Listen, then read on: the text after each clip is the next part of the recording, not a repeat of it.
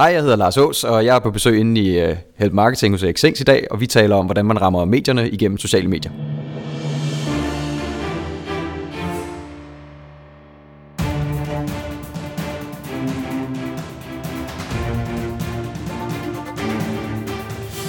Det her er Help Marketing podcasten, lavet for dig, der arbejder med digital marketing, salg og ledelse, og som gerne vil opnå succes ved at hjælpe andre. Jeg hedder Xings, og Help Marketing processerer som min virksomhed Nofman. Det er afsnit nummer 87, vi har gang i dag, og vi taler med Lars Ås. Fokus med Help Marketing er, at vi skal blive bedre til at hjælpe hinanden, fordi det er den bedste måde at skabe succes for sig selv og andre på, baseret på værdifulde relationer. Og lad os hoppe direkte til ugens content marketing værktøj, som jo er sponsoreret af Bingecast, som er min anden podcast, som jeg laver sammen med David Gullager fra TV2. Hvis du er seriefreak, ser junkie, eller bare er en lille smule interesseret i serier, så er Benchcast podcasten, som du absolut skal lytte til. Hver uge tager vi et nyt afsnit fra af tre serier under kærlig og kritisk og dybdegående behandling. Hvad skete der lige i afsnittene? Hvad betyder det for hovedpersonerne? Og hvor skal de hele mund ende fra de forskellige serier? Der kommer rigtig mange spørgsmål, når man ser serier, og det er dem, som David og jeg, vi så taler om. Og så optager vi det, og så er det en podcast. Det er skide sjovt at lave, og jeg håber også, det er skide sjovt at lytte til. Indtil videre har vi fået gode feedback. Og de serier, som vi ser, det er Game of Thrones fra HBO, Jessica Jones fra Netflix og Mr. Robot, som man kan købe på amerikansk iTunes. Så jeg håber, du vil lytte med hver eneste uge, i hvert fald i 10 uger, indtil Game of Thrones er overstået, og så venter vi på, at sæson 2 kommer af Benchcast på et tidspunkt. Men du kan så tjekke det på benchcast.dk, eller gå direkte i iTunes og simpelthen bare søg efter det der. Og ugens content er Slack. Arbejder du i Teams? Og skal du koordinere arbejdet på tværs af Teams, og hvem skal ikke det? Her kommer Slack ind. Det er et værktøj til at chatte med hinanden på tværs af hele teamet, men du kan også chatte med de forskellige teammedlemmer på tværs så det enkelte team medlemmer har mulighed for at øh, sende links eller bare diskutere et eller andet emne, som er relevant i forhold til det, man arbejder med. Det kan være, fordi man ikke sidder samme sted, men det kan også være, at man sidder samme sted, og så man lige hurtigt skal sende noget frem og tilbage. Slack bliver brugt rigtig, rigtig meget i Bolius i hvert fald. Der findes en online version, som alle har adgang til via øh, browser, og så findes der også iOS og Android versioner. Det er gratis at bruge. Der er selvfølgelig premium versioner også, men gratis version er ganske fin, og du kan tilmelde dig og dit team på Slack slack.com.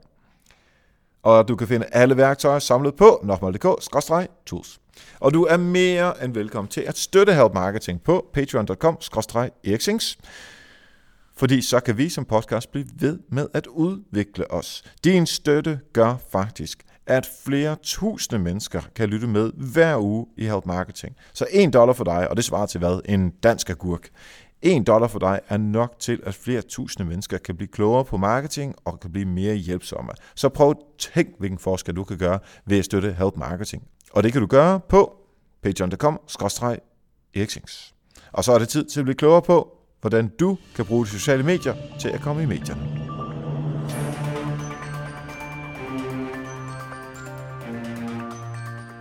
Yes, så sidder jeg her sammen med Lars Ås, som snart er digital specialist hos DR øh, fra juni af.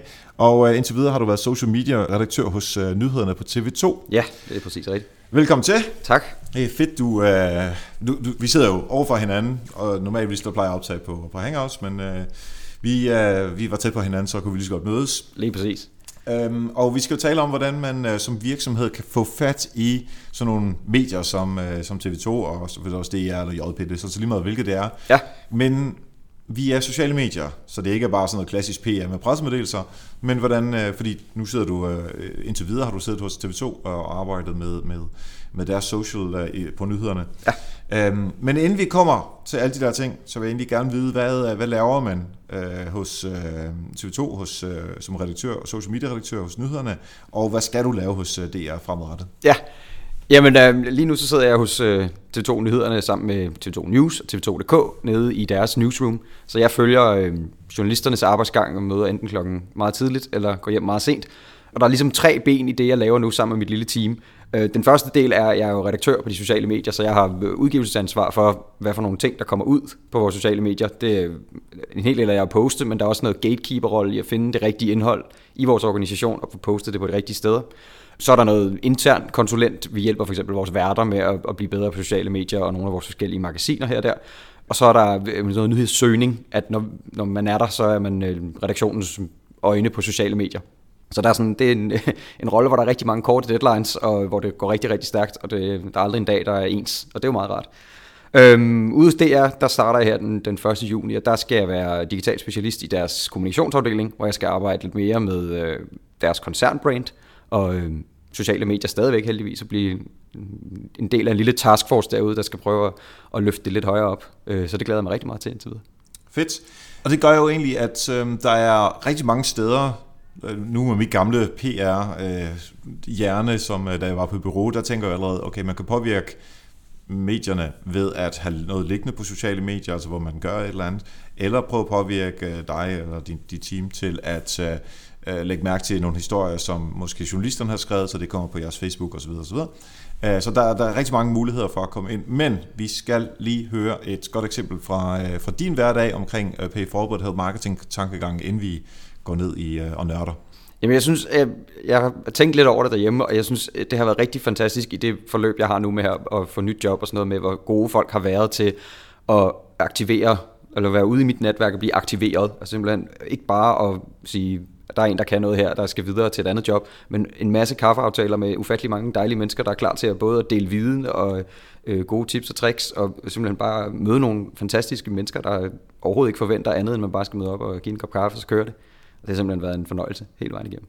Og nu, øh, det er ikke sådan, du og jeg, vi, vi hænger ud øh, hver eneste dag, øh, men jeg kender selvfølgelig dig fra Twitter og fra nogle andre øh, forer, hvor jeg synes, du har været super god til at dele øh, alt muligt om sociale medier, altså det nyeste inden for instant articles, eller det nyeste inden for whatever, øh, og meget nysgerrig, øh, og, og sådan, Ja. Der er noget, jeg ved ikke, om du har gjort det med vilje, men der er i hvert fald noget, noget positionering af dig som, som en, som ved meget om de her forskellige ting. Selvfølgelig TV2, det, der, dermed er du også profileret i forvejen. Så jeg tror også, det er lidt, at den der, altså, du har givet meget, og så er det også relativt nemt, at øh, eller folk vil gerne give noget tilbage. Ja, præcis, og det har jo simpelthen været en fornøjelse at se, hvordan, nu skal det lyde sådan, man, man høster jo ikke sit netværk på den måde, men det har været øh, nemt at aktivere det, der har stået rigtig mange mennesker klar til også at åbne døre for mig, og det har været simpelthen så skønt. Og det er helt klart noget, jeg har brugt tid på, men jeg er meget privilegeret i, at når jeg er på arbejde, så sidder jeg jo med hovedet i Twitter nærmest konstant, så jeg ser de her ting øh, typisk lidt hurtigere end mange andre ting. Øhm, og så har det egentlig været meget naturligt at skulle prøve at kuratere det på en eller anden måde, for både at positionere mig selv, men også fordi jeg ikke kan lade være. Det er jo skide spændende, og det rykker sig, og hvis man gerne vil eksperimentere med det, så er man også nødt til at starte der, hvor det ligesom kommer. Så det, ja, det er klart noget, jeg går ind i. Ja, godt. Så, øhm, så tager vi fat i et, mestendels i den rolle, som du har haft hos TV2. Ja. Fordi øh, nu du, du er ikke journalist. Nej, jeg har en, en, en kan IT ude fra IT-universitetet i online markedsføring øh, som en af de få i det newsroom, jeg sidder i, der ikke er journalister. Det tror jeg også er meget sundt en gang imellem, at der er nogen, der møder op med den tankegang.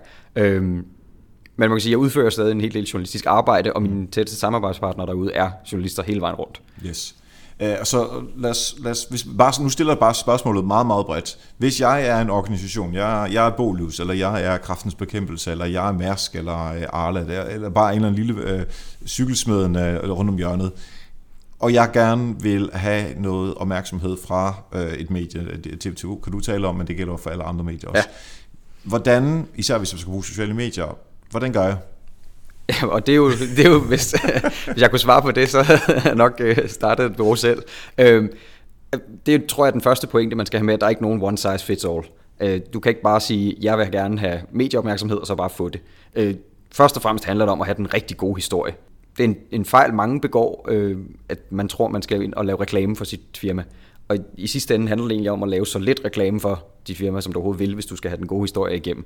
Øh, der er jo rigtig mange kanaler, man kan komme igennem til et medie på. Du kan begynde at skrive pressemeddelelser, og, og det er bestemt ikke dødt, at vi modtager jo rigtig mange mails hver eneste dag med pressemeddelelser, og vi får en masse øh, nyheder igennem vores ruller osv. osv. Øh, men der er bare åbnet de sociale medier også, hvor du har mulighed for at påvirke enkelt personer, og du har mulighed for at målrette dit budskab meget mere til både man kan sige, den enkelte journalist, men også det enkelte medie. At det er måske ikke den samme historie, der skal i MX, som der skal i TV2-nyhederne. Øhm, så der, der er blevet meget mere, du, du kan undgå at skyde med spredehavl, og det er så både en, en forbandelse og en, øh, en udfordring på den måde, at øh, du skal så også bruge energi på det. At det, du kan ikke bare skyde ud i æderen med din pressemeddelelse, og så håbe på, at der er nogen, der griber den. Nej, og, og pressemeddelelsens tanken er jo uh, så dejligt rar, fordi for alle den samme ting, og alle medier trykker selvfølgelig min pressemeddelelse, som jeg har sendt ud og, og brugt øh, nogle penge på at få et bureau til at lave eller lave selv. Øh, og så ligger den lige pludselig hos 15, 20, 30, 50 medier, lokalaviser osv. osv. Og det er bare, sådan fungerer verden jo bare Nej, overhovedet ikke. Og det handler, og meget af det handler om kontrol, ikke? at man vil gerne kontrollere sit budskab ja. ufattelig meget, og det er man simpelthen nødt til at give slip på, når det kommer til sociale medier. Du kan skyde den ud, og så håbe på det bedste, hvad jeg lige vil sige, og så og gøre dig øh, available, simpelthen. Fordi det er jo det næste skridt i det, at det der med at skyde sin nyhed ud, og vi ser det også hos nogle journalister, der har været i branchen i lang tid, at de misforstår lidt det der med, at man er færdig med sin nyhed, når man har udgivet den. Det er faktisk også der, det starter. Det er der, der lige pludselig kommer reaktioner, det er der, den spreder sig til de rigtige mennesker, og de forkerte mennesker engang imellem, og, og ligesom historien begynder at rulle, så man er aldrig rigtig færdig med den, før de næste 10 tekst måske er kommet på den, hvis det er en rigtig stor historie. Så du mener, at man men har den første historie, som er skabt enten af en selv eller omstændigheder, ja. og som man så kan hoppe ind på ved at være tilgængelig med en kommentar eller en holdning, eller simpelthen bare at uh, tage fat i en journalist og sige, hvad med den her vinkel? Præcis. Og det er en ting, vi bruger rigtig meget på TV2, at, at vi får ikke bare man sige, historier ind for vores brugere, vi får også ny information, vi får også nye vinkler, vi får også nye cases. Altså, det kan lige så godt være, at når vi skriver den store kampflyhistorie, at så er der en eller anden, der sidder i forsvaret dybt nede et sted, som vi ikke har fået fat i, som lige pludselig melder sig ind og siger, hov, det der kampfly har faktisk den der motor, eller hvad fanden det nu har, som vi ikke vidste før. Og så kan man sige, at den ene mulighed er så, at vi måske hiver fat i ham, så der er også en, en positionering der, du kan gøre som virksomhed og sige, jeg er eksperten i det, og ligesom melde sig ind i debatten, og ikke bare sidde tilbage og gemme sig med informationen. Og så er der hele den, at, at man siger, den vinkel har vi måske ikke tænkt over, og så kan vi køre videre med den. Om det så er lige den ekspert eller den ekspert, der skal komme ind og, øh, og sige noget om det, det kan man så diskutere. Men, men der er i hvert fald mulighed for at byde ind på en helt anden måde, end der var før. Altså, du kan sådan set komme længere og længere ind i redaktionslokalet på den måde. Øh, problemet er så, at der er mindst lige så meget noise nu, mm. som der var før. Ikke? Så du skal stadig kæmpe med en masse journalister. Der, der er ikke kun mig, der sidder på sociale medier i vores newsroom. Det gør de jo alle sammen. Øhm, du skal kæmpe med opmærksomheden med alt det andet. Og du skal på en eller anden måde kunne komme igennem med dit budskab på øh, 8-10 sekunder, snakker vi jo, ikke? Fordi så er det videre til den næste ting, og alle journalisterne har korte deadlines, og der er ting oppe i luften hele tiden. Så det skal simpelthen gå stærkt, og det skal være skarpt. Og når du så, det vil sige, der, der er lidt tre faser i det, hvis du skal ind i sådan en historie. Der er både, kan man sige, gøre journalisten opmærksom på det, og så er der selve udførselen af, nu kommer du i medierne, hvad sker der så, hvordan skal du agere? Og så er der et efterspil bagefter, som man skal bare være klar på. Og man siger, den største udfordring er klart den første. Hvordan kommer du faktisk i medierne? Ikke? Jeg synes ikke, vi ser det ikke vanvittigt meget, at folk målretter mod vores enkelte journalister. Og det kan selvfølgelig også være, fordi den journalist ikke er på arbejde den dag, eller der bliver rykket meget rundt. Altså man sidder ikke nødvendigvis stille. Øhm, men det kan jo godt betale sig en gang imellem at sige, når, i stedet for bare at skrive en pressemeddelelse til TV2, skulle man så finde ud af, hvem der sidder på TV2 Finans, hvis man er startup, eller på TV2 Livsstil, hvis man hellere vil øh, ind den vej, eller sådan noget. Så prøv lidt at, at målrette budskaberne hen mod de enkelte redaktioner, kan helt klart godt give payoff.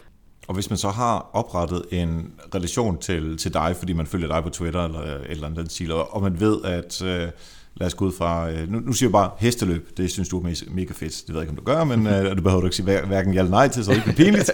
men, men lad os sige det det, og man, så har man en historie om hesteløb, eller man har en historie, som er imod hesteløb, eller ja. hvad det nu kan være, så fordi man ved, at, at du kan lide det her, øh, og man har en relation, fordi man tidligere har øh, interageret med dig på, på Facebook eller Twitter, eller hvad det kan være, altså så er den jo meget nemmere at sælge ind til dig, fordi man kender dig, så, den, så derfor får jeg jo allerede ørenlyd, og så ved jeg, at den her interesse har du forvejen, så derfor er du nemmere at sætte ind til en journalist nummer to, som aldrig har gået til hesteløb. Lige præcis, lige præcis. Og, og det er jo noget, vi ser, øh, specielt med vores store profiler og sådan noget, når vi taler tech, så er det sådan en som David Gullager får for eksempel rigtig mange henvendelser den vej.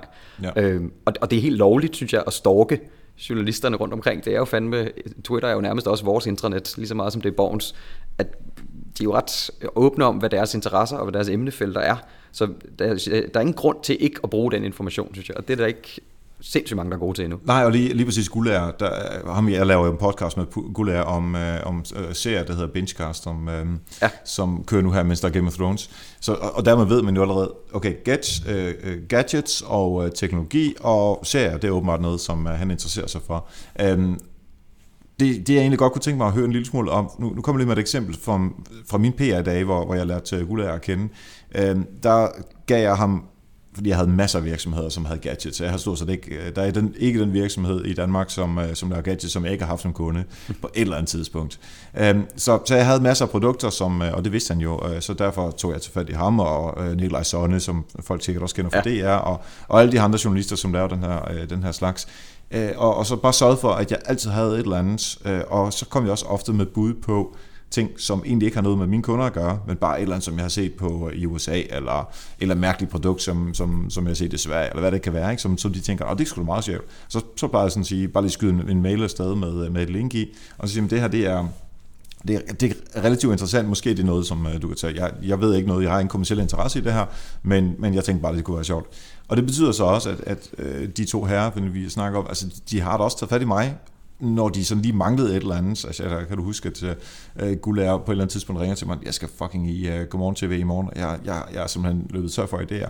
Og så er det jo, at, uh, at jeg har mulighed for at pushe nogle af de her produkter igennem, som, uh, som mine kunder gerne vil have. Jamen præcis, og, og det handler jo om at skabe værdi. Det er jo sådan set hele Twitter-tankegangen om igen, at, at hvis du sætter vores journalister de rigtige ting langt nok, så er de måske villige til at gå den ekstra mil i den anden retning for at, i hovedet, at kigge på det, du sender dem. Fordi vi får jo også bare ufattelig mange pressemeddelelser, som er komplet ligegyldige. Præcis. Men hvis man så skulle tage den der snak, fordi nu, nu er det jo i hvert fald øh, tre, tre år siden, hvor jeg reelt har lavet noget det. Mm. Hvordan oversætter man det til at bruge sociale medier til det? Fordi jeg ringede bare til ham og, øh, og mailede og frem og tilbage, og så drak vi kaffe en gang imellem og sådan noget. Jo, ting, jo. Ikke? Øh, men hvordan hvordan bruger vi Twitter og Facebook og Instagram og, og Snapchat og øh, alle de her til at gøre det samme? Altså, har du nogle eksempler på, hvor, hvor, det, er blevet sket, hvor, hvor det er sket på TV2 nu?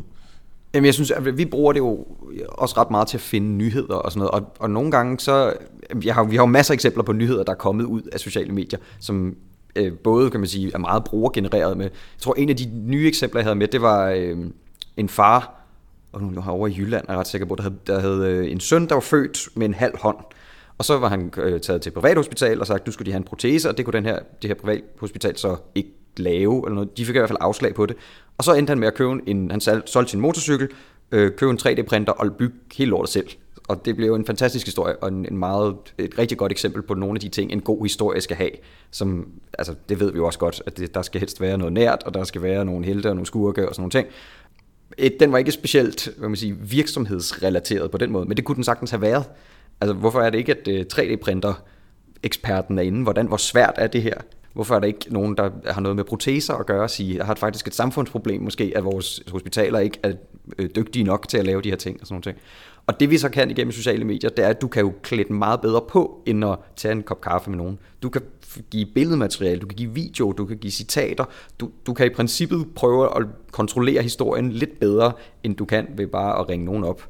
Øhm, fordi den der, den personlige relation er der stadigvæk, men du kan få lov til at give noget, noget hvad man siger, værdi til den historie, som ikke nødvendigvis var der i forvejen. Og i forhold til det der 3D, 3D-printer virksomheder, hvis de havde den der historie, så kunne det jo, altså, så kunne det jo måske sælge den lidt mere ind som lidt mere klassisk. Nu kom den jo, fordi det er, det er, det er en, en good cause, og en mand, der ja. sælger sin motorcykel og alt det der. Ikke? Så det har jo, som du selv siger, ikke så meget med virksomhed at gøre, men hvis man som virksomhed for, for, formår at finde de der historier, som har alle de der øh, kriterier, som journalisterne nu engang går efter i sig, øh, og det er ikke sikkert lige, at man kan få fundet ham der, men, men der er jo tusindvis af historier. Ja, præcis. Og, de, og de, hvis de er tilstrækkeligt øh, bløde, men, men en lille smule alligevel, fordi i sidste ende er det jo 3D-printeren, som, som bliver promoveret her, som, som den, som egentlig gør, at, at, at det her barn, det så alligevel får et, et relativt ja, godt det er løsningen, ikke? Altså, ja. Du kan være helten lige pludselig. Og så kan man sige, selv hvis den her historie starter uden en virksomhed, så er der jo ingen grund til, at den ikke meget hurtigt kan gå hen og involvere en virksomhed. For det vil jo helt klart være oplagt at sige, når man skal vi ikke ringe til nogen, der ved noget om de her 3D-printer. Og hvem fanden ringer man så til? Og hvis det skal man sige, der er også noget SEO i det, ikke? hvis de første vi googler frem til, eller hvis der er nogen, der allerede har meldt sig på banen igennem lang tid på social og sige, vi er dem, der er eksperter i det her, så er det dem, vi ringer op, mm. selvfølgelig. Så det handler også om at man sige, positionere sig som det led, man gerne vil være i den historie, og så være klar til at gribe dem. Fordi næste skridt er så, når vi ringer dem op, og der ikke er nogen, der tager telefonen den dag, eller du vil ringe igen om to timer, så er det ikke dem, vi tager med. Altså, der skal man da også bare forstå, at der er nogle journalister, der har nogle virkelig korte deadlines, og der skal være nogen, der er klar til at stille sig op, og vi skal have en scene, og bla bla bla. Så der er også noget, man må sige, at forstå det journalistiske arbejde i det. Øhm, og der er det klassiske, nu har jeg jo haft rigtig mange kunder, både corporate og øh, mindre corporate kunder, som det skal godkendes i hoved og røv, nu siger jeg det bare som det er. Ja. Og så går der 14 dage mere, før den her historie kan komme ud, fordi der er så lige 17 andre mennesker, der skal lige forbi USA og Frankrig for at blive godkendt dernede også. Og så er du fuldstændig ligeglad på det her tidspunkt. Det, der skal rykkes rigtig stærkt. Og det er, også, det er også en pointe, at selv hvis du gør alt dit arbejde helt perfekt, og du står med den perfekte historie, så er det ikke sikkert, at den rammer tv. Fordi det kan være en dag, hvor der er 9-11 øh, eller sådan noget lige pludselig. Ikke? Altså det, det, det hele rykker sig meget, meget hurtigt og meget flydende, og det er jo ret uigennemskueligt, når man sidder uden for bygningen. Øh, men det skal man så også bare lige være klar over, at det er ikke en garanti, at selvom du laver alle de her ting, så er den hjemme hele vejen. Jeg, jeg har øh, faktisk også med TV2 ringet to uger i forvejen og sagde, at vi har den her historie, det lyder meget interessant, og så kører vi lidt frem og tilbage på mail og sådan noget, fordi det var først to uger senere, hvor, hvor, hvor den var relevant, så jeg var god, øh, ude i god tid. Og så kører vi på dagen, og øh, vi skal sende nogle folk afsted, som øh, kan blive optaget og sådan noget, og så lige pludselig sker der alt, ikke jeg kunne huske, hvad det var.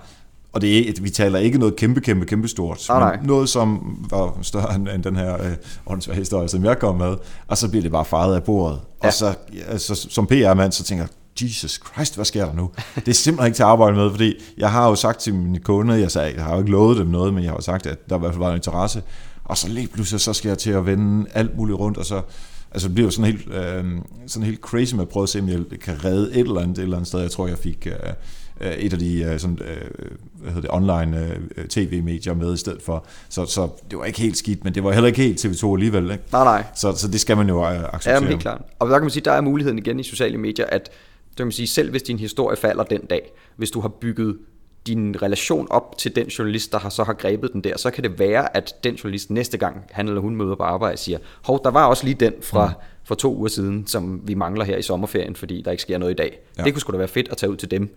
Eller det kan også lige så godt være, at for et år siden, der startede den her iværksætter-ting, kunne man ikke lige sige, sådan, vender vi ikke tilbage til dem, og siger, hvordan går det med dem i dag? Ikke? Øhm, udfordringen der kommer så i at pakke det ordentligt ind. Ja. At det er meget vigtigt, at når du, ikke, når du bliver ringet op, eller du selv prøver at byde ind til en historie, at når du så endelig kommer igennem, at du så ikke laver reklame fremstødet. Der er ikke nogen, der gider at høre. Man sige, det klassiske eksempel er jo, øhm, når man får en iværksættervirksomhed igennem. At de vil så gerne snakke om deres produkt. Og selvfølgelig vil de gerne det, fordi det er det, de brænder for. Men det er jo typisk noget, som vi researcher i forvejen og fortæller læseren uden interviewpersonen. Når interviewpersonen så kommer ind, så vil vi jo gerne høre, hvad er planerne, hvad, hvad for et problem er det, I løser, hvorfor er det her fedt.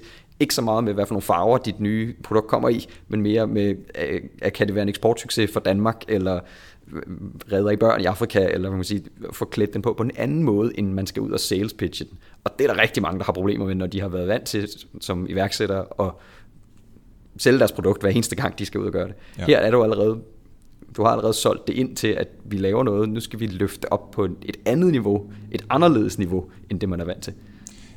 Jeg vil gerne lige tilbage til, at du øh, nævnte meget hurtigt SEO og positionering. Øh, en af de ting, som, øh, som vi har lavet her på det seneste i Bolus, er simpelthen at uh, tage vores, vi har også nogle, vi kalder dem fageksperter, det er folk, som ved alt om uh, de ting, som Bolus nu ved noget om. Det kan være have, det kan være uh, fundamenter i hus, det kan være uh, lys, det kan være alt mulige forskellige ting. Ikke? Uh, og så, så laver vi noget, uh, nogle, nogle sider om dem, sådan nogle uh, ekspertsider, som vi så ser op til mere og, og linker ind til, og alt det der, som man skal gøre for at få det til at, at komme godt op. Øh, og det, det siger du, det er også noget, som journalisterne øh, søger på, for at finde ud af, jamen, hvem er det? Nå, så det er jo en for Bolius, og selvfølgelig skriver vi så også, at vi er uvildige, og vi ikke sælger noget som helst. Så derfor er vi endnu nemmere til at have med at gøre. Det er, de, de fleste virksomheder har lidt svært øh, med det. Øhm, derudover så har vi så lavet, med, med de samme mennesker, skaber vi øh, forskellige profiler for dem på de sociale medier, mm-hmm. så de også er i gang derude.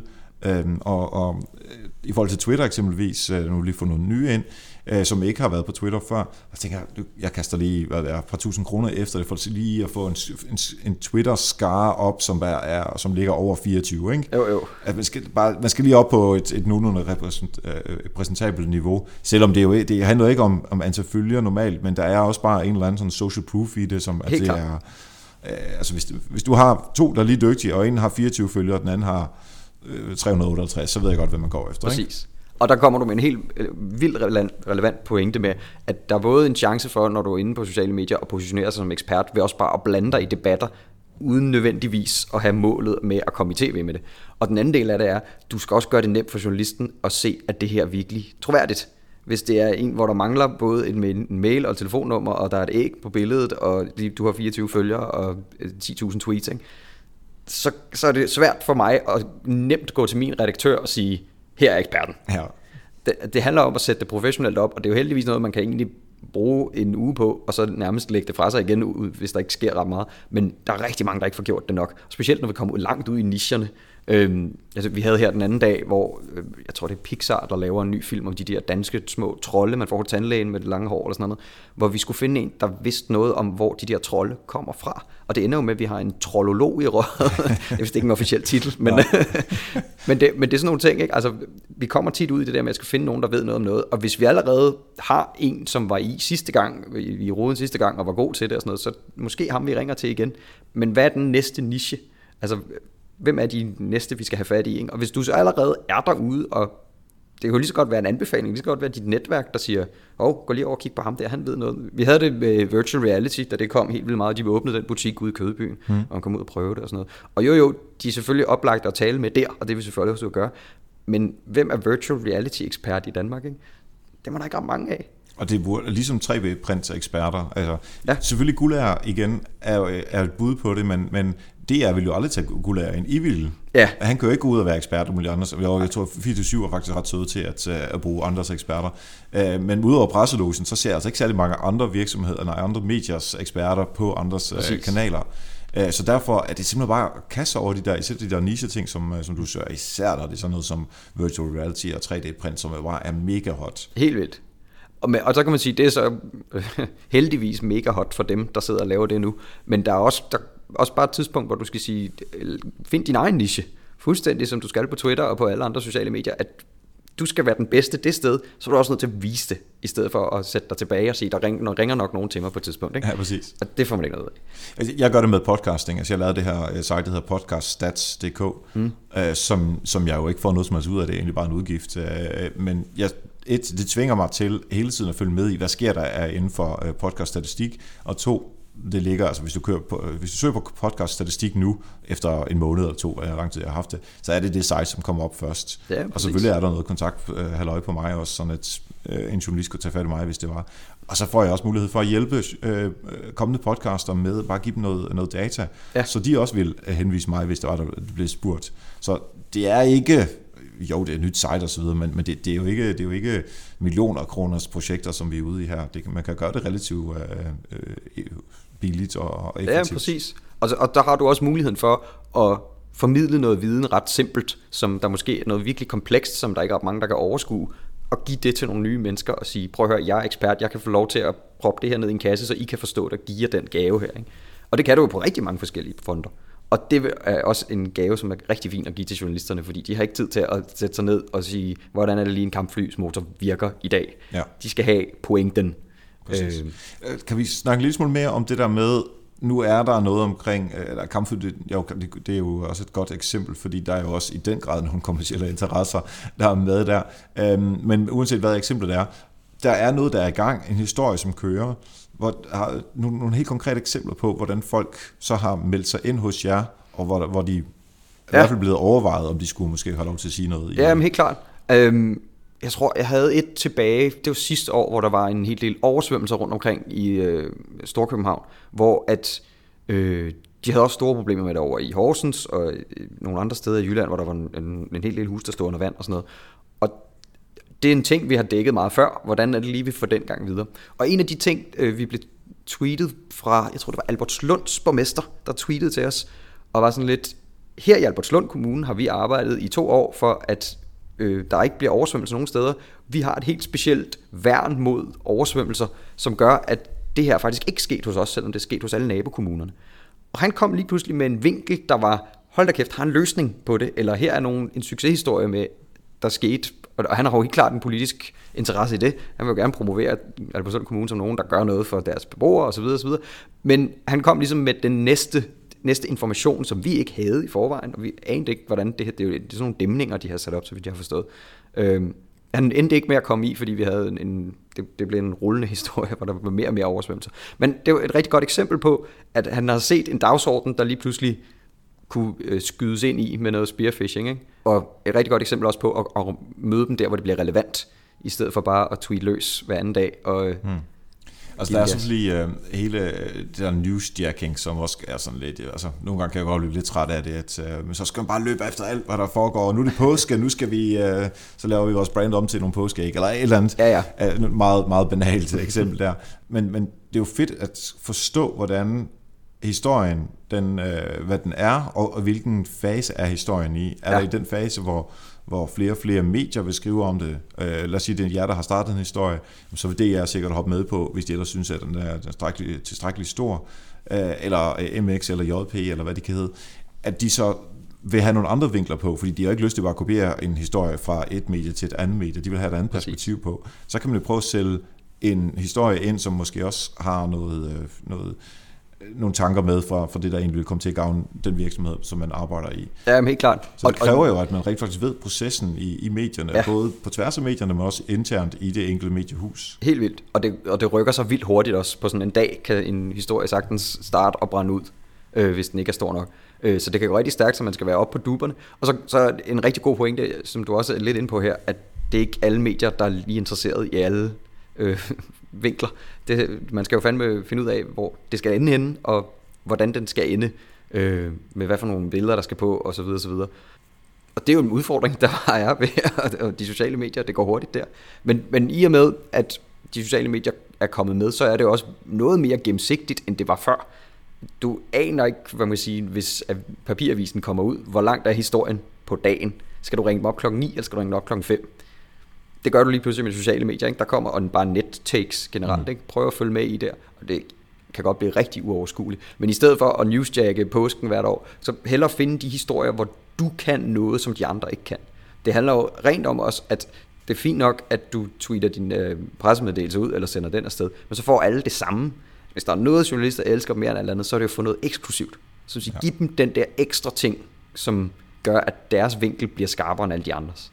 Jeg synes også, der ligger noget i, at man som, øh, og nu bliver jeg sådan en lille smule øh, sådan samfundsmæssigt og øh, højdragende i det her, men hvis der bliver interageret på sociale medier, så kan jeg jo også se, okay, der er nogen der, der prøver at påvirke en journalist, modsat hvis det er et eller andet øh, PR-bureau, som ringer, og man aldrig finder ud af, at der er nogen, der har øh, påvirket en journalist på forhånd. Øh, og man bliver jo sådan lidt som PR, tidligere PR, man øh, med løsskadet af, at altså det er jo lige præcis til at se, hvilke historier, der er plantet af dygtige kommunikationsfolk, og det er virkelig dygtige kommunikationsfolk, og hvilke der sandsynligvis ikke er plantet. Øh, og, det, øh, og der, der ligger bare et eller andet fornuftigt, synes jeg også i det, altså den der gennemsigtighed, som du også som du selv er inde på. Jo, helt sikkert. Lad os også lige prøve at tale om, øh, hvordan journalisterne, øh, vi bliver enige om, du er ikke journalist, men hvordan, hvordan har de det, øh, uden at du bare kan tale for en hel øh, øh job, eller hvad hedder det, øh, sådan en hel gruppe for sig, men hvordan kan de holde deres øh, objektivitet i hævd? Og samtidig med at blive påvirket, altså alle bliver påvirket hele tiden. Ikke? Jo, jo. Og nu skal der ikke gå mennesker og medier det her 100%, men, men der, er jo, der er jo et eller andet omkring det der, øh, altså bliver de trætte af at blive bombarderet med tweets og, og gode idéer og, og sådan noget, eller vil de helst selv finde det, eller hvad er din erfaring? Jamen, og det er jo den evige udfordring, der er med at, at man siger, udvander sociale medier de journalistiske værdier. Øh, jeg tror, at rigtig mange gerne selv vil finde det, men det, det handler tilbage om at, at komme med tilgængelighed med, at når de så er ledere, så skal du også være klar. Vi ser gode og dårlige eksempler på folk, der, der sender os rigtig mange ting, som ikke er særlig relevante, og vi ser øh, rigtig fine eksempler på nogen, der byder ind præcis, øh, når de så er relevant. Har du et eksempel på et eller andet, som bare var helt skidt? Du behøver ikke nævne øh, nej, brands. Der, men... der er for eksempel en forening, der tweeter os et par gange om dagen med det, de nu laver. Hmm. Og det er ikke engang, det, det, kan, det kunne være relevant, hvis det var ny rapport, eller nye tal, eller så videre, så videre. men det er lige så meget med, i dag har vi personaldag, eller sådan noget, ikke? og så bare smider vores handle nederst hver gang. Og vi havde det faktisk med Søren Espersen i lang tid, inden han, øh, han droppede det igen. At hver gang han kom ud med noget, så skulle vores handle lige på, fordi han håbede, vi ville samle det op. Men det får han altså ikke noget ud af, fordi det, så bliver det spam. Og ja. det, altså, journalister har jo ikke tid til det. det. Det svarer bare til at lave en pressemeddelelse i 140 tegn. Lige præcis. Men altså, det, man, det de så gjorde, altså uanset hvem det var, øh, altså snabelag TV2-nyhederne, Ja. Og man kan, har de også gjort det med øh, deciderede journalister, eller, eller dit tag? Eller Øh, noget, sjældent. Altså, så er, det, så er det helt op på, kan man sige, David Gulla er jo et godt eksempel igen, fordi han er så meget på tv, Ja. at folk kender ham godt. Øh, udfordringen er næsten at finde dem, der ikke er på tv, dem der sidder og- og diver i trådene bagved. Øh, og det ser vi ikke ret meget på social. Vi ser det noget på mails med, at folk prøver at hive fat i dem, og specielt hvis de har været igennem før, så er der lige allerede den der relation. Ikke? Men at prøve at påvirke dem, der altid skriver om den slags historier, det, det ser vi ikke ret meget endnu. Og det er en kæmpe udfordring, både for kan man sige, øh, virksomhederne, der skal prøve at finde ud af, hvem det er, og hvordan det skal gøres, men også for journalisterne så at finde ud af, hvem skal de tro på i det her. Og der er vi tilbage til, at social proof virkelig er et, et godt, øh, en god måde at gøre det på. Ikke? Hvor kan jeg læse mere om dig? Øh, er der, har du blandet dig i mange debatter og sagt noget kvalificeret her og der? Øh, har du bevist, at du er ekspert Ja. i sidste ende? Ikke? Fordi vi har også princippet om, at vi laver jo ikke bare historier på baggrund af sociale medier. De skal altid klædes på med noget mere. Om det så er en, der kan sidde og sige noget om, hvad er en shitstorm, og hvordan kommer man ud af den, eller en, der skal sidde og sige noget om 3D-printer, eller, altså der er også noget af det, hvor det er deciderede nyheder, der kommer ind igennem sociale medier. Når, det klassiske eksempel er jo tilbage i, i New York, hvor øh, der styrer, styrer et fly ned i Hudson River, hvor det kommer på Twitter før alle andre steder. Ikke? Ja. Øh, men det kan lige så godt være så små ting, som da Esben Bjerre han skulle være Melodi Grand Prix vært tilbage i 2014 eller sådan noget, så skrev han det ud på Twitter, for han skrev det nogen andre steder. Heller ikke til DR, selvom han var ansat af dem. Øh, så der er også nogle ting der. Det er nemt nok med dem, fordi de er, eller sådan en som Esbjerg, han er, det er fra ham selv, og han er kendt nok. Men når det er sådan nogle ting, som øh, har sker noget her, tilfældig øh, civilperson har set det, så skal vi jo på en eller anden måde finde ud af, hvordan er det rigtigt, hvordan undersøger vi det her. Og hvis du har bygget din profil op professionelt nok, og der er nok social proof, så er der meget større chance for, at det er dig, vi bruger, og ikke bare gå videre til den næste. Det lyder til at være en af de øh, gennemgående ting, altså at man simpelthen som ekspert både er ekspert, altså man ved det, mm. men også at man udstråler det på de forskellige kanaler, man er, og har noget øh, både social proof i de sociale medier, men også altså, at, at et andet medie har brugt dig tidligere. Ja. Altså at hvis Berlingske har brugt dig som ekspert tidligere, så er det sgu nok øh, ikke helt øh, skudt ved siden af, at TV2 også vil bruge. Præcis. Øh, det kunne sagtens være en mulighed, i hvert fald. Jeg, ved ikke, hvor mange de- gør for at genbruge øh, de forskellige eksperter rundt omkring, og der er også nogle favoritter, fordi der allerede er en hel del, der har øh, bygget relationer op til de her mennesker, også uden for sociale medier. Ja, præcis. Og der skal man jo selvfølgelig også øh, respektere eller acceptere, at der er nogen derude, som allerede er etableret. Ja. Øh, Men til gengæld, hvis der er nogen, som ikke er etableret, eksempelvis øh, 3D-printer og virtual reality, øh, så er det jo bare om at, slå til og se optimere sig selv og få de gode profiler og få det hele helt op at køre. Lige om to sekunder, så skal vi have nogle helt konkrete råd til dig, hvad du synes, øh, hvad du vil anbefale, at organisationer og virksomheder de skal gøre for at øh, komme relativt øh, nemt igennem med den gode historie. Det er vigtigt. Men inden der, der skal jeg lige have lov til at takke alle de super, super coole og søde, rare Patreon-folk, som jo gør, at vi kan køre health marketing hver eneste uge med coole gæster hver eneste uge. Og hvis man ellers har lyst til at øhm, støtte Help Marketing, og man har kroner og øre, det, er- det er jo selvfølgelig også et krav, øh, fordi ellers øh, kan man jo støtte ved bare at gøre opmærksom på Help Marketing, hvis man ikke, øh, hvis man ikke lige er i en økonomisk situation, hvor det, hvor det er muligt. Jamen så gå ind på patreon.com xings og derinde der kan man simpelthen gå ind og oprette en profil, og så siger man, jamen jeg har lyst til at betale 1 dollar eller 5 dollars, whatever, per afsnit, og det er helt op til en selv, og så bliver det automatisk trukket en gang om måneden. Så det er på den måde, at man kan støtte Help Marketing økonomisk. Har man ikke mulighed for det, som sagt, så er det simpelthen bare at gøre opmærksom på det, Nup din øh, kollegas telefon, download Help Marketing direkte i deres mobiltelefon, stik øh, hørepropper i ørerne på dem, og så, øh, eller ikke hørepropper, det må jo selvfølgelig være øh, hovedtelefonerne, man skal, men øh, man skal proppe i ørerne på dem, og så simpelthen bare lade dem øh, lytte med, og så håbe, at de øh, er med fremadrettet. Patreon.com-eriksings Godt. Så er det øh, her til sidst, vi skal have nogle helt konkrete råd til, hvad du synes, at virksomheder skal gøre for at øh, komme ind igennem hos jer som sådan, øh, og jer, afdelingen, altså redaktionerne og journalisterne, øh, og især gennem de sociale medier. Ja, jamen helt sikkert. Jamen, og det bliver nogle ting, vi allerede har været inde på en lille smule. Men det første er, få nu sat øh, dine nøglepersoners sociale profiler ordentligt op. Øh, gør det nemt for journalisten at komme igennem til den person og være tilgængelig på det øh, medie der. Nummer to må være, at du må finde den gode virksomhed, den gode historie i din virksomhed. Øh, langt de fleste virksomheder har en god historie, der gemmer sig et eller andet sted. Og brug noget tid på at finde den, og få sat den ordentligt op, og få præsenteret den ordentligt. Øh, det tror jeg helt klart kan give noget værdi rundt omkring. Og det sidste er, at jeg synes, at man skal prøve at sætte sig ind i at øh, skabe relationer til de journalister, man gerne vil i kontakt med. Øh, vi ser det simpelthen ikke nok igennem social, at folk prøver at påvirke andet end politikerne gør det, men at, at finde din livsstilsjournalist hos de forskellige medier og få lavet nogle relationer til dem og få målrettet din kommunikation til dem, i stedet for bare at sende pressemeddelelser ud, som øh, skyder med spredehavl. Det er simpelthen ingen idé i mere.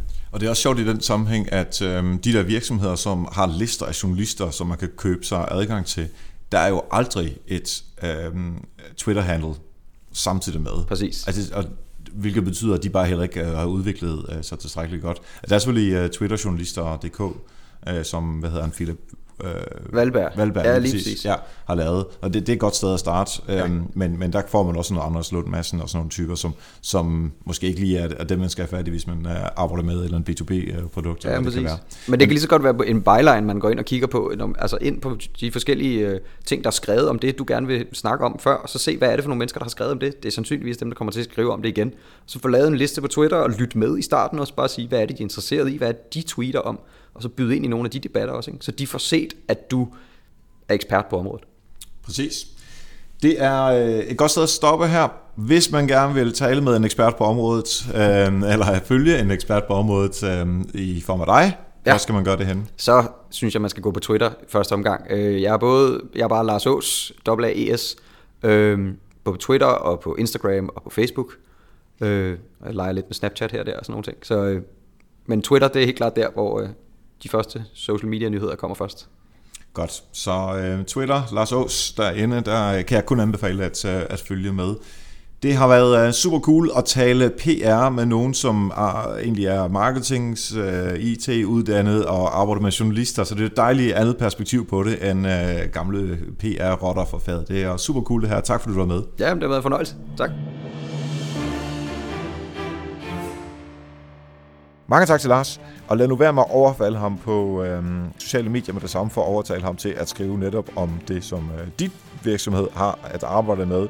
Men husk at tænke i kvalitet frem for corporate bullshit. Mange tak til alle patrons. I er vildt, vildt seje, og tak til alle andre lytter, også I er næsten lige så seje som alle patrons. Næste gang, der får jeg besøg af Benjamin Rud Elberts fra TV2 News, hvor han taler om alt det digitale i forhold til politik og virksomheder, hvor han jo er med ekspert sammen med Astrid Haug, som jo også tidligere har været med i Help Marketing. Vi taler om digital strategi, taktik og eksekvering, og det er super fedt. Tak for nu, og husk, ved at hjælpe andre, opnår du også selv succes. Vi høres ved.